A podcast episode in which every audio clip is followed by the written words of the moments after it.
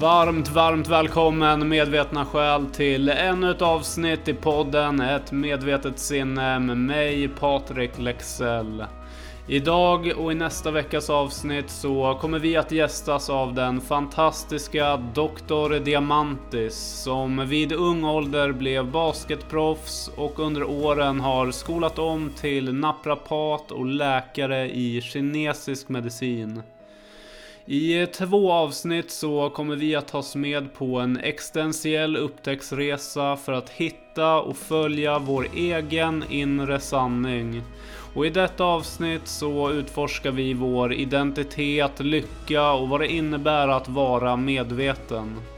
Här så får vi en känsla och tankeväckare kring hur vi påverkas men också hur vi kan komma i kontakt och leva ett mer medvetet liv med medvetna handlingar för ett liv i högre lycka och kärlek. För dig som är ny här i kanalen så får du mer än gärna följa och dela podden vidare för att bidra med att göra podden mer synlig. Jag är evigt tacksam för att du är med här idag i ett öppet och fint samtal och önskar dig en god, god lyssning. Varmt, varmt välkommen till dagens avsnitt Dr. Diamantis. Tack så hemskt mycket. Det är så kul att ha dig här. Det är en ära att få vara här. Ja, det är som jag sa, du är så otroligt ödmjuk som människa. Eh, jag kände det redan innan nu, innan vi sågs. Ja. Eh, som jag sa där, att jag har lyssnat in en hel del med dig nu under helgen. Och jag har svårt att placera, men jag har svårt att komma ihåg att jag träffar någon som är så lugn och eh, ger en sån tillit som du gör. Mm. Genom att bara lyssna på din röst. Jag har inte träffat dig innan. Nej, fint. Men eh, vem, vem har vi här? Skulle du kunna berätta lite vem, vem du är? Um, jag kan börja med min bakgrund. Många är väldigt nyfikna när man träffar eller får höra en ny person. Lite så att man kan placera dem i någon form av fack. Och eh, jag är uppvuxen i Tensta-Rinkeby i förorten av eh, Stockholm. Min far är från Grekland, min mor är från Polen. Jag växte upp och spelade basket. Pappa var baskettränare. Det fanns en stor basketkultur i västerort. Och eh, blev ganska bra på det eftersom jag tränade väldigt mycket. Eh, och då fick jag spela med, med äldre och i lite större klubbar som i Solna flyttade jag över ganska tidigt. Och eh, fick spela med deras herrlag redan när jag var 16 år. Så jag debuterade i basketligan när jag var 16. Eh, sen fick jag faktiskt ett proffskontrakt i Grekland redan under första ring. Så det intressanta är att jag debuterade i grekiska basketligan innan jag debuterade i svenska. Och det var väldigt, det var väldigt hast, eh, någonting som gick väldigt fort. Det var under en sommar som eh, det var någon tränare som såg mig där och ville ha mig i A-laget. Och då fixade vi med, med att bo i ett amerikanskt internatskola. Jag spelade med A-laget, tränade med juniorerna. Men det gick lite för fort. Mm. Och eh, jag blev faktiskt deprimerad. Okay. För att eh, det slog mig efter några månader att eh, jag kommer inte bo med min familj längre. Och jag var bara 16. Jag hade skrivit på ett åttaårskontrakt. Wow, okay. Ja. Vilket egentligen, det är drömmen för, för en, eh, en ungdom. Ja. Att spela i en stor klubb i Europa. Ja. Men det var, dels så var det lite för fort, men sen insåg jag, och jag skriver det också i min bok, att just basketen var inte min dröm. Så, och det var också en väldigt intressant punkt i livet att inse att trots att man är väldigt bra på någonting så behöver det inte betyda att det är det du ska göra resten av ditt liv. Mm. Intressant.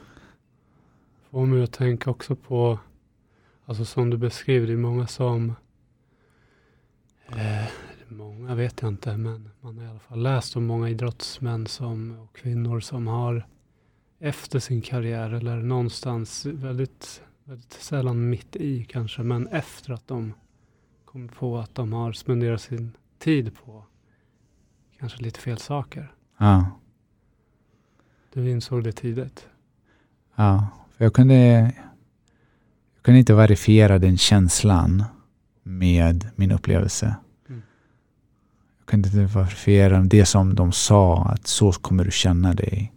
Det är så coolt att vara där. Och visst, det var fantastiska upplevelser.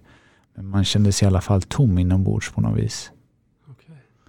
Ja, Ja, för den där är ju det är intressant med tanke på att man, det är som du sa där, att det är ju mångas dröm att bli idrottsproffs. exakt. För mig var det inom fotboll. Jag var hyfsat duktig. Absolut inte så att det Mm. skulle bli det liksom. Ja, Men det var alltid en dröm att liksom stå på en stor arena. Och, ja, det är intressant det du säger att när man väl liksom kommer upp dit så som du gjorde. Att du, ja. vad var det som gjorde att du vände tanken då? Jag tror det var att jag såg också mina lagkompisar som var de var i första femman och de kom direkt från USA. Mm. De var förmögna och de var idoler. Folk tittade upp till dem. De var inte lyckliga. Okej. Ja. Och hela den mentaliteten att vinner du så är du bäst. Du är som en gud. Och förlorar du, ja, då ska man helst inte ens gå hemifrån. Ja. Det var på något sätt att det här inte är rimligt. Ja, men det är högt tryck alltså. det är vinna eller försvinna i Ja. idrott. Ja. På den nivån verkligen. Men sen kan det också vara så att det kan vara någon som studerar på KTH Mm.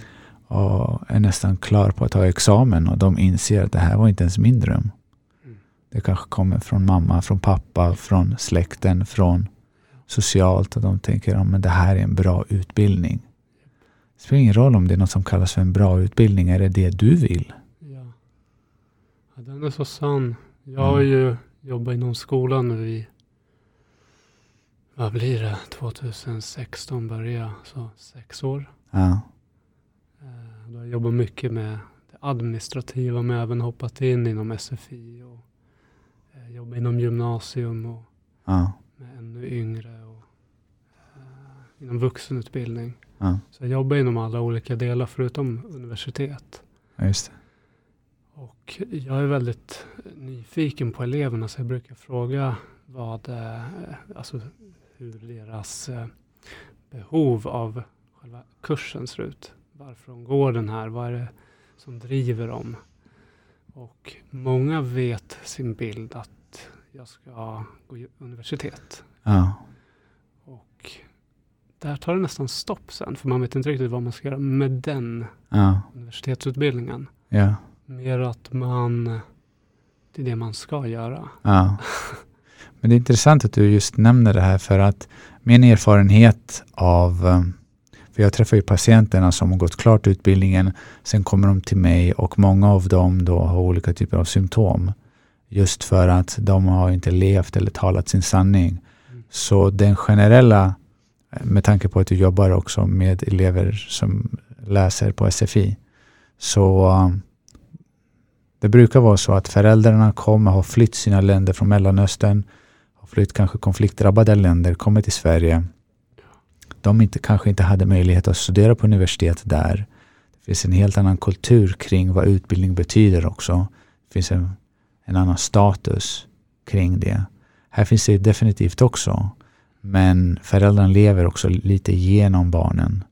på och då man kan, Det är så intressant att det finns specifika även geografiska områden som är man från Iran, då brukar det vara vissa typer av utbildningar. Är man från Indien, det är vissa typer av utbildningar Mm. som man lägger mer vikt på.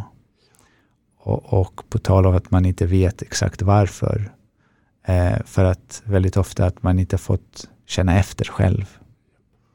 Man har inte fått känna efter och då har man bara skapat en mental bild, en rekonstruktion av vad man tror man behöver göra för att just hamna i en plats där man kan tillåta sig själv bara vara och tillåta glädje och lycka komma upp till ytan. Mm. Det är den som är... Jag vet inte hur alla andra kände i min... När jag var runt... Vad är man? 15-16 när man ska välja gymnasium. Ja.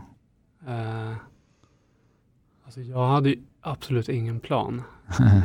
Medan andra var... Det fanns valbygg eller fordon för grabbarna då. ja. Och eh, jag var inte intresserad av att, alltså jag var ju intresserad av bilar och hus och så, men jag, inte, jag ville inte jobba med det. Ja. Jag tror att 80-90 procent bara gjorde det för att. Ja. Eh, jag var mer att, nej, jag skippar det då. Så jag gav upp lite med studierna och försökte någonstans hitta mig själv. Att Mm. men hitta vad jag vill. Mm. Det, det, det kan inte gå så fort att man redan som 15 vet vad man vill kanske. Det känns som att det där ändras också hela tiden. Det är väldigt unikt om man vet Ja, just då. Vanligtvis när patienterna kommer till mig och kanske har precis tagit examen och jobbat ett par år och antingen på, på, på väg att bränna ut sig. De pushar sig själv för mycket. Ehm, de kommer till mig och, och de förstår att de är fullständigt ehm, förvirrade helt enkelt. De vet inte, de har blandat ihop äpplena med päronen som jag brukar säga. Ja. Och det är, bara, det är ingenting mindre än bara ett eh, misstag. Mm. Ja, en förväxling, en, en misstolkning. Det Inte känns- misstag, misstolkning. För, för det känns så otroligt, alltså när man är yngre så Mm. blir man ju väldigt, eh, kanske inte medveten om det, eller så är man det. Jag känner mig väldigt medveten om att jag var väldigt påverkad av andra. Mm. Man fick frågan ifrån lärare, ifrån föräldrar, ifrån vänner. Vad ska du bli? Vad ska du göra? Aha. Vad ska hända sen? Eh, Och jag var väldigt så här, här och nu. Jag ville vara här och nu. Låt oss spela fotboll och ha kul. Ja, Låt exakt. oss eh, göra något roligt. Eh, jag såg, såg inte syftet i att sitta och läsa en bok inom fysik just då. ja, Nu skulle jag tycka att det var jättespännande. Ja, Jag tycker det. Men jag vet att jag har svårt att se att det är många som tycker det är roligt. ja, Jag upplever att många i den åldern i skolgången Mm. också upplever stress och press. Det precis. måste bli något. Förväntningarna, kraven ökar. Ja. Eh, har du liksom något, något tips där på hur man dels själv liksom kan landa i det här, alltså komma bort från bruset och bara så här, vem, vem är jag, vad vill jag? Jag skulle säga tillåt dig själv vara fullständigt förvirrad. Ja. Ja. Tiden efter gymnasiet är din tid att vara fullständigt förvirrad. Du ska inte veta någonting om något. Härligt. Det låter skönt. Ja, precis. Eh, ha starka och gå in i ett område ifall du känner att du brinner för det. Lär så mycket som möjligt. Men utmana det också. Eh, inte genom att försöka motbevisa allt det andra. För det, det är lätt att skapa en identitet kring det du tror på. Mm. Och det skapar egentligen bara mer konflikt. Men utmana. Om det är någonting, för det är det, du, du söker ju dig själv. Du söker för att få svar, för att förstå, för att få en djupare insikt. Dels för den yttre världen, men definitivt också den inre världen. Mm. Och tyvärr, den inre världen är ju, och den inre resan är inte någonting som vi får möjlighet till att upptäcka och uppleva så mycket genom skolgången eller socialt eh, och så vidare. Mm. Så um, försök inte motbevisa, men utmana. Utmana är bra. Utmana är bra och samtidigt vara öppen för förändring också. Det, det, fin- känns, det finns en form trygghet av att identifiera sig själv med någonting. Och det kan vara så som jag med basketen. Att jag är diamantisk basketspelaren. Ja. Men när jag sen slutade spela basket då kunde jag inte säga att jag är diamantisk basketspelare. Och då hamnade jag faktiskt i en identitetskris. Ah, Så som väl ah, många andra idrottsmän gör. då tappade du lite vem, hade du frågan om vem är jag nu? Eller? Exakt. Ja. Vem är jag nu? Och jag kände just att det var nästan att jag föll baklänges i ett stort svart inte. Och jag försökte hålla kvar i mig någonstans. Då kom jag in på naprapatutbildningen. Och då var det nästan, usch, tur. Nu vi slapp den. Det var nära ögat. Nu kan jag i alla fall säga att jag är naprapatstudent. Ja. Det är någonting värdigt åtminstone. Mm. Men du ser, den konflikten, det kommer ju endast från tron att jag inte är tillräcklig. ja. Det är det vi befarar är sant. Ja. Och det är det som också kan trigga oss. När någon ställer de här frågorna. Men vadå, ska inte du göra någonting? Ska inte du plugga någonting? Och då försöker man snabbt rädda situationen. Ja, jag bara tar ett sabbatsår, jag, sen, sen tar jag tag i det. Ja. Och väldigt ofta när man ställer den frågan, det har ju inte heller att göra med oss. Mm. Om det är från föräldrar, släkten, så har det att göra att de ska vara säkra och kunna förutspå hur ditt beteende kommer vara i fortsättningen. Så att de kan kategorisera dig någonstans och ha koll på dig. Ja. För att de själva är osäkra. Japp. Ja. Och när det kommer så att man kommer från föräldrar som har migrerat till Sverige. Du ser när de var yngre, utbildning var ju någonting helt annorlunda än vad det är nu för oss. Det var, det var en möjlighet till att ha en trygg och säker framtid. Mm. Men just idag, det är inte så många som, om man inte läser på KTH eller någon högre utbildning, att man hamnar på gatan. Mm. Det finns en form prestige också, en form av social status med det. Och det är den här identifieringen som egentligen också är ett resultat av en inre konflikt. Ja. Den där är ju otroligt intressant, det som du är inne på, den med identifieringen av sig själv. Ja, Men någonstans i det du berättar så har man ju inte ens byggt sig själv. Utan man Precis. identifierar sig med yttre krav, förväntningar och måsten. mm. Eh, Och där är jag väldigt nyfiken på hur man, för jag brukar tänka så, så här, om, man, om man ställer sig naken på ett fält och bara så här, jag är ingen. Mm. Det här med att avidentifiera sig själv, ta bort allt som, alla minnen och allt som man är kopplad till. Mm. Har du liksom något tips på att kunna liksom på, bli på nytt född så att säga? Att hitta sitt eh, sanna jag. Jättefin fråga. Ehm, dock skulle jag vilja formulera om den lite. Istället för hitta, eftersom just att hitta det är en utåtgående energi. Det är någon som letar. För då kan man fråga, vem är det som letar? Men att upptäcka, att upptäcka är mer en inåtgående, det är mer feminin energi. Det är att jag står jordad, jag tillåter mig själv bli, mina rötter gro djupt och hamna i mitt epicentrum och på så sätt upptäcka och uppleva allt det jag inte är. För att sedan vem jag är i min essens väldigt svårt att, att kunna sätta ord på det. Eftersom det är som att försöka se sitt egna öga. Mm. Vi kan ju endast se reflektionen. Mitt öga kan inte se sig själv. Den kan se allt. Ja, men det kan inte se sig själv. Men trots det så kan vi få en upplevelse av att vara fullständigt oss själva. Det är en form av en ro.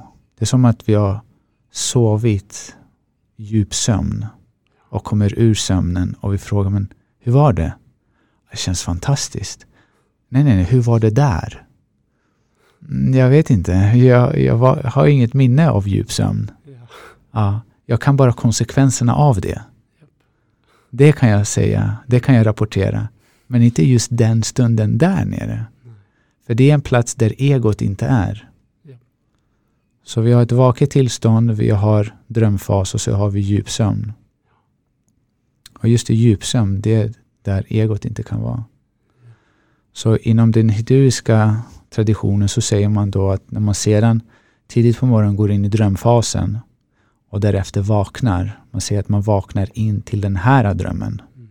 Illusionen vi tror vi är. Så genom då en inre esoterisk resa där vi börjar observera allt det vi inte är, börjar vi också vakna från illusionen, vem vi tror vi behöver vara. Ja. Och det är just den här rekonstruktionen som du nämnde eller berörde lite tidigare. Inte att vi gjorde den, skapade den medvetet, men det var ett undermedvetet beteendemönster som behövdes skapas. En version av mig som behövdes skapas för att överleva psykologiskt de omständigheterna som jag växte upp i.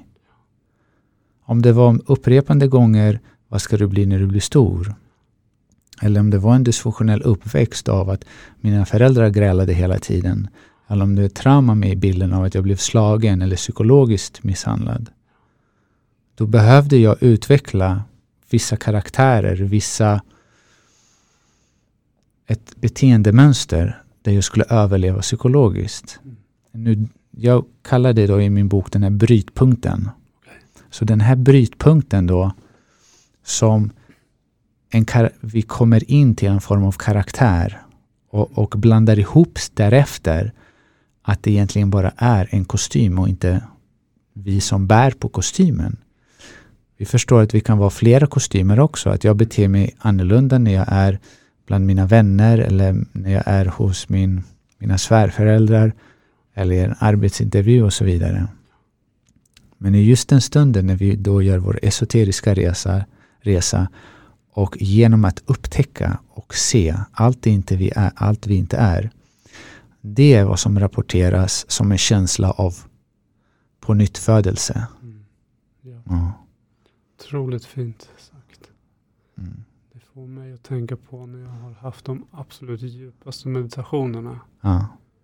Så har jag känt att jag är allt men inget. Det är, typ, det är, inte, det är inte en tanke. Ja. Det är inte riktigt en känsla heller, utan jag är, jag är i kontakt med energin på något sätt. Mm. Det är som vi kan ta, som vi sitter här inne nu. Så det känns som att det vi egentligen är, är det som vi inte ser på något sätt. Mm. Allt annat kan vi koppla till vi kan, göra, vi kan få en tanke av micken, jag kan få en tanke av hur det ser ut, en känsla och så vidare. Mm. Men av den här tomheten här inne, den tänker man inte så mycket på. Mm. Den bara är. Mm.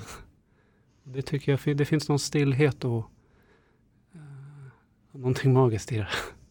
Definitivt. Jag brukar leda mina patienter till att väldigt enkel övning och vi kan ta det för lyssnarna också. De kan göra det själva. Det är just att vi ska inse allt vi inte är. Och då kan vi börja med det mest materiella och röra oss mot det immateriella.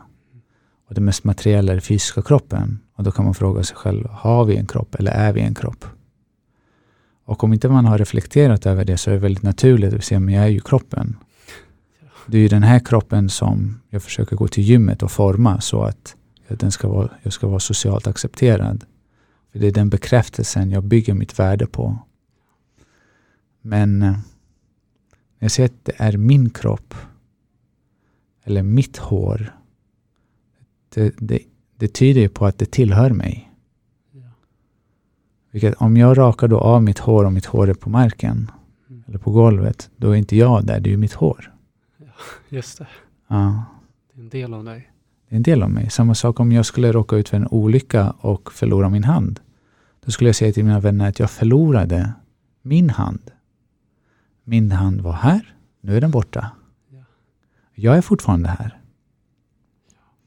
Vi kan faktiskt ta bort rätt så många delar. Båda armarna, båda benen, ena lungan, ena njuren, stora delar av tarmarna kan vi ta bort. Och vi kommer fortfarande leva. Nu, kroppen är definitivt nödvändig för att vi ska kunna uppleva verkligheten som en människa. Men på samma sätt som vi går in i en bil och kör bilen, vi blir inte bilen. Vi är födda in till den här kroppen. Vem är i oss då, undrar jag. det är en jättebra fråga och vi kommer till det. Men det första gången det här slog mig, det var när min farfar hade gått bort och jag var 14 år gammal. Jag fick ärva hans namn, han hette Diamantis och vi hade ett speciellt band. Mm. Men när han lämnade sin kropp, um, då var jag faktiskt just den stunden var jag bortrest. Men eh, jag kan berätta det här lite kort och det är första gången faktiskt jag delar med mig av det här. Men han eh, var en veteran av andra världskriget, blev skadad av splitter i höften av en, från en handgranat. Så han eh, opererades åtta gånger totalt. Otroligt stark fysiskt, mentalt men också styrka, råstyrka. Till slut, så ett år innan så hade min farmor gått bort. Och den sommaren väntade han då på oss för att se oss en sista gång och sen ville han lämna det här livet. Och då, han, hans kropp var så stark att han, han bestämde sig att begå självmord. Så han, att ta sitt liv. Så han gick till sin gamla lada, lilla lada, till källaren och gjorde en stor cocktail av all olika typer av råttgift och eh, bekämpningsmedel. Jag hopp om att ta livet på, på det sättet. Men eh, han misslyckades och han levde två veckor mera eh, längre. Och eh, de två sista veckorna så hade vi honom i huset och då fick han dela rum med sin yngre syster.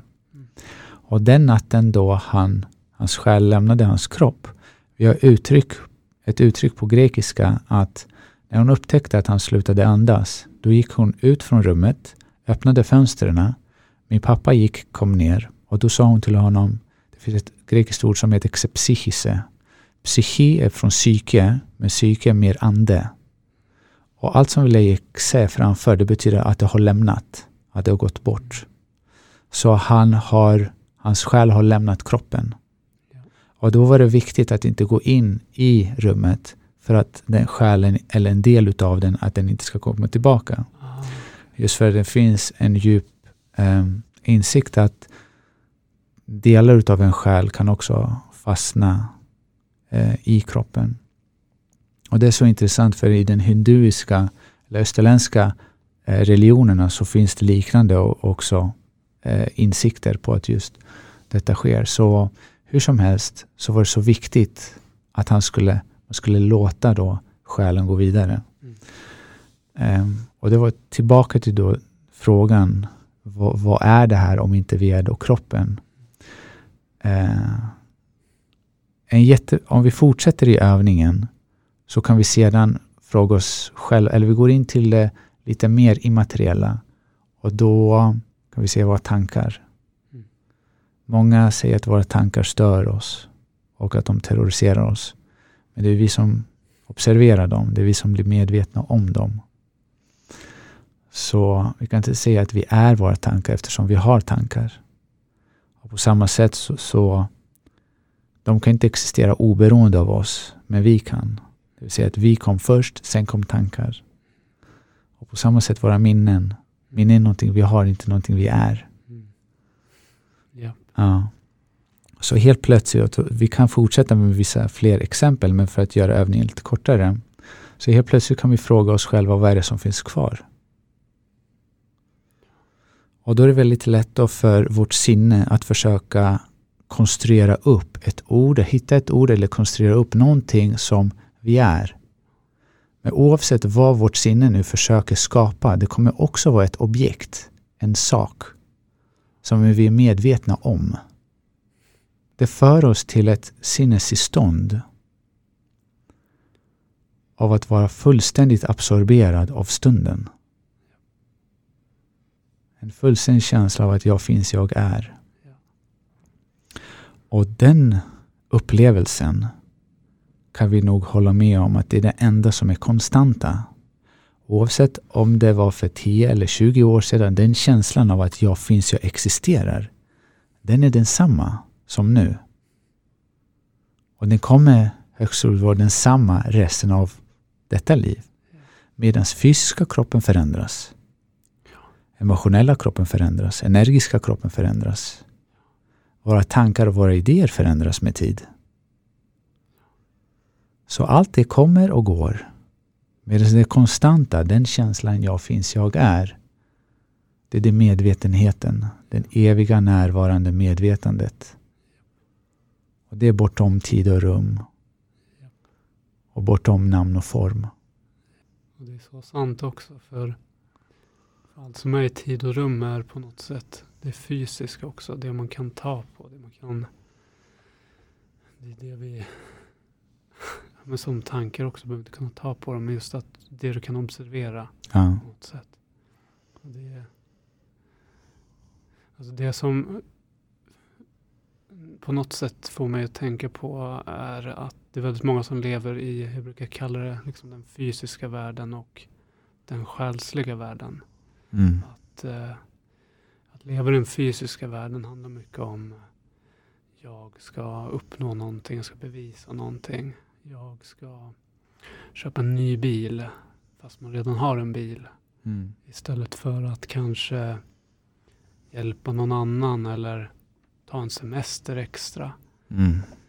Så är man väldigt driven av att hela tiden eh, den här eh, att eh, vad ska man säga, att visa att man kan mer för andra, inte, inte riktigt för sig själv. Mm. Att man drivs av det yttre snarare Mm. än det inre. Mm. Och då, då är man väldigt fast i det fysiska.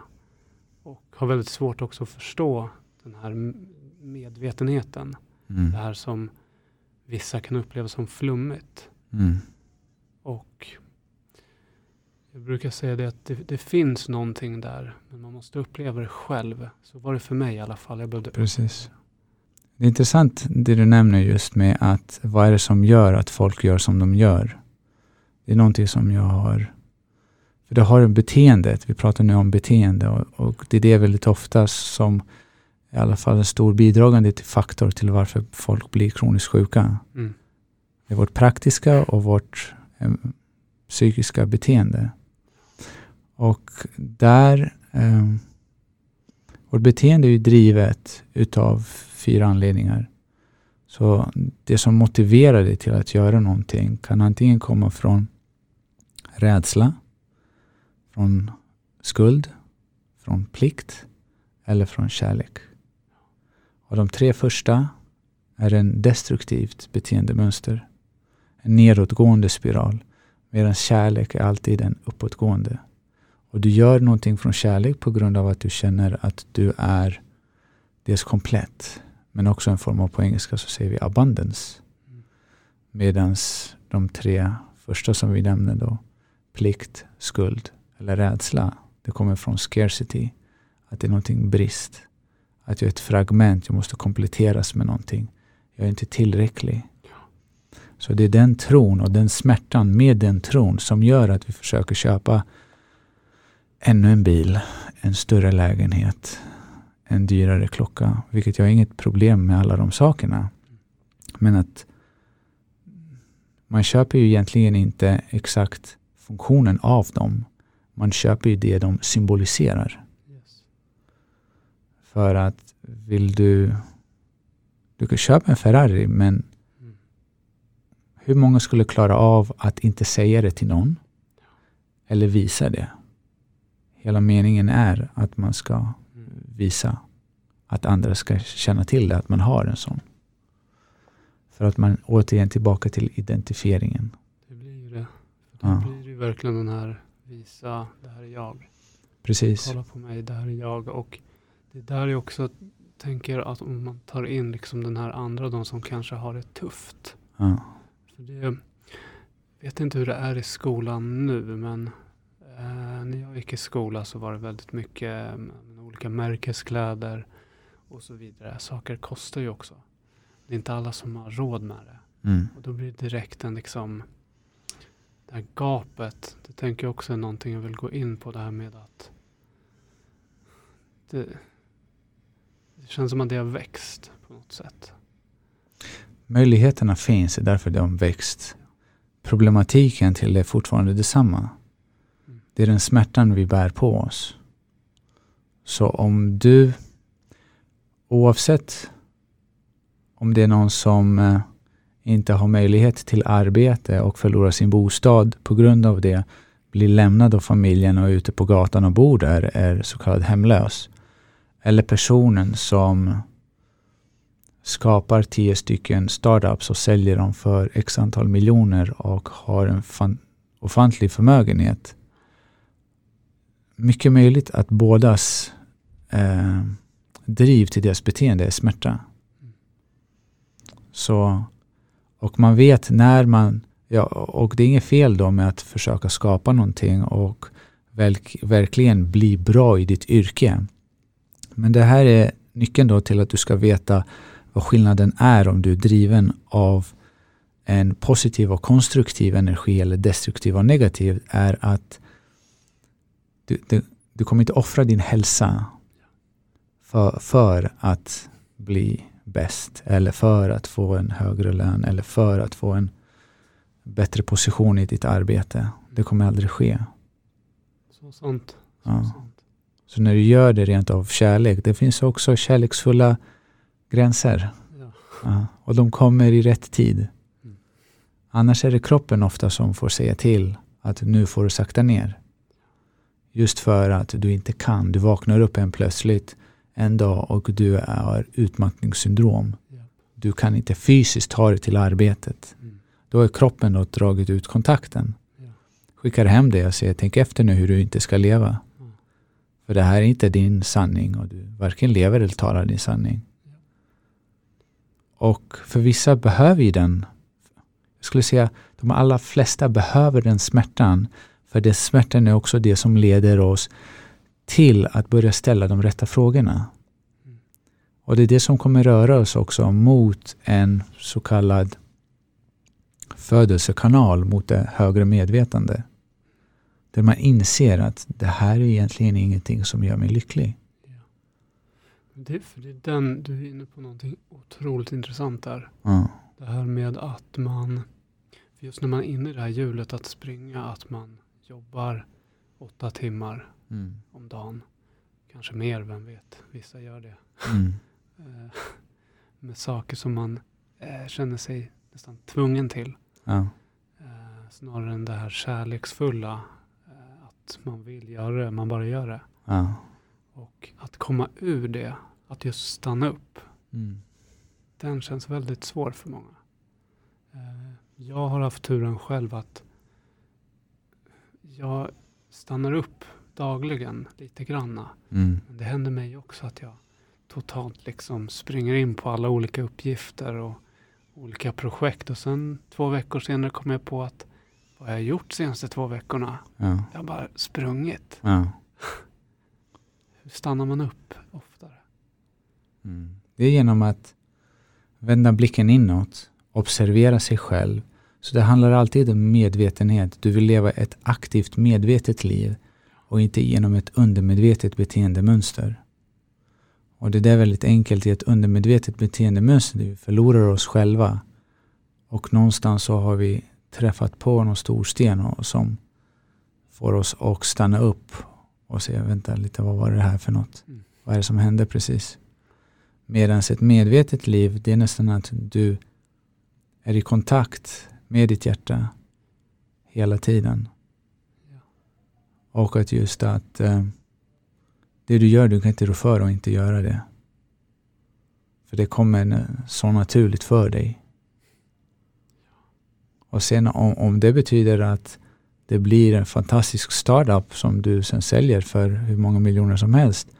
So be it. Men du kommer inte värdera dig själv baserat ifall hur mycket du säljer det för eller inte.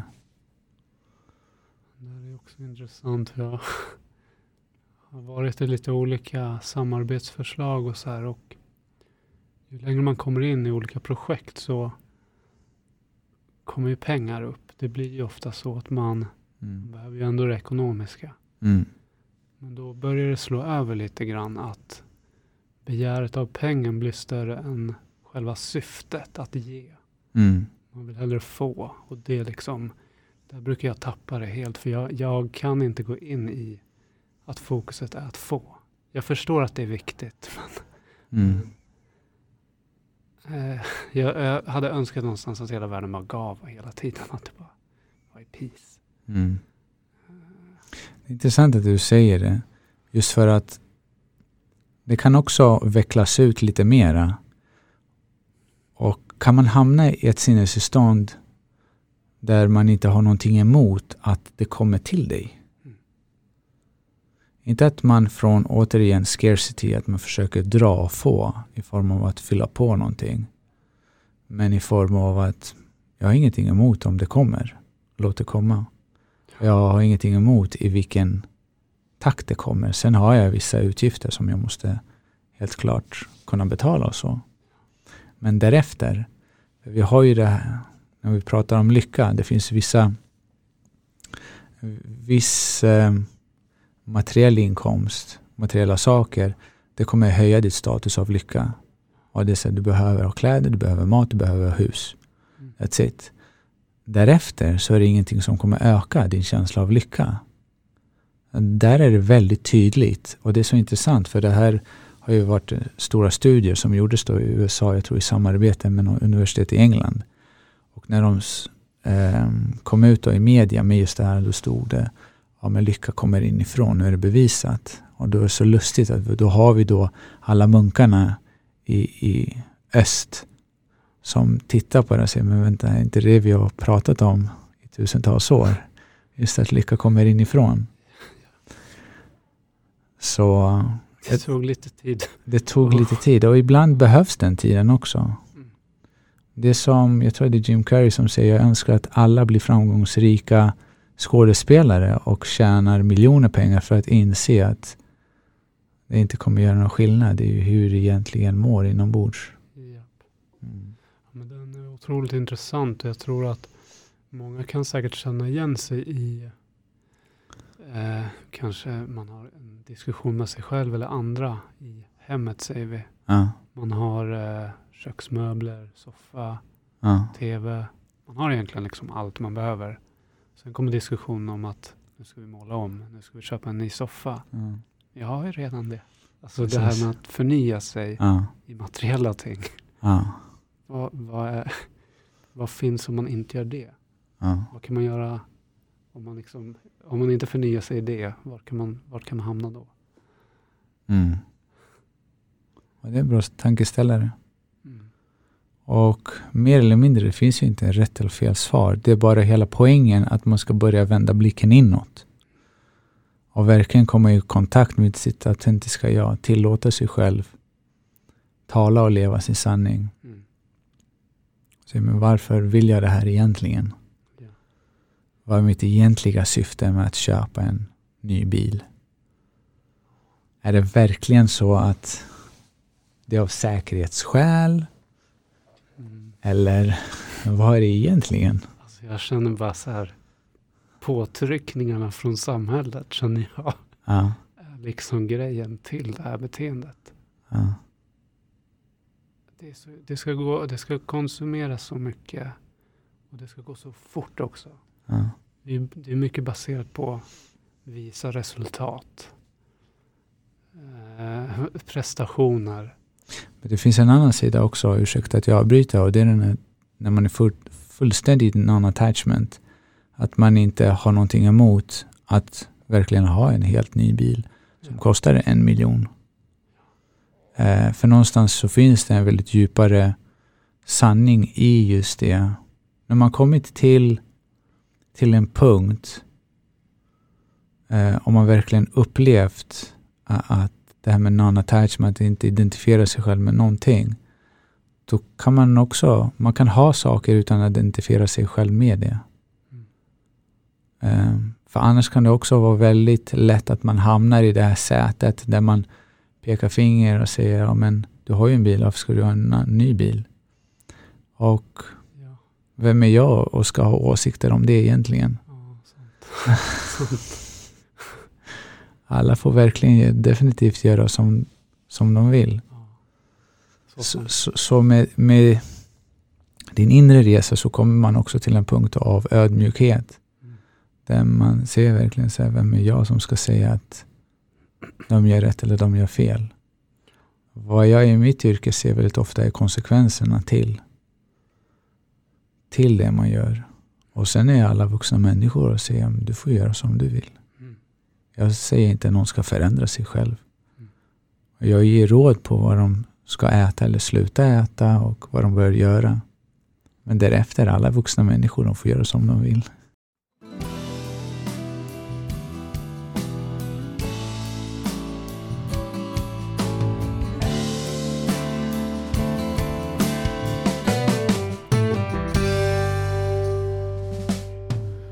Ännu ett fantastiskt samtal har ägt rum och jag är så otroligt tacksam för Diamantis ödmjukhet.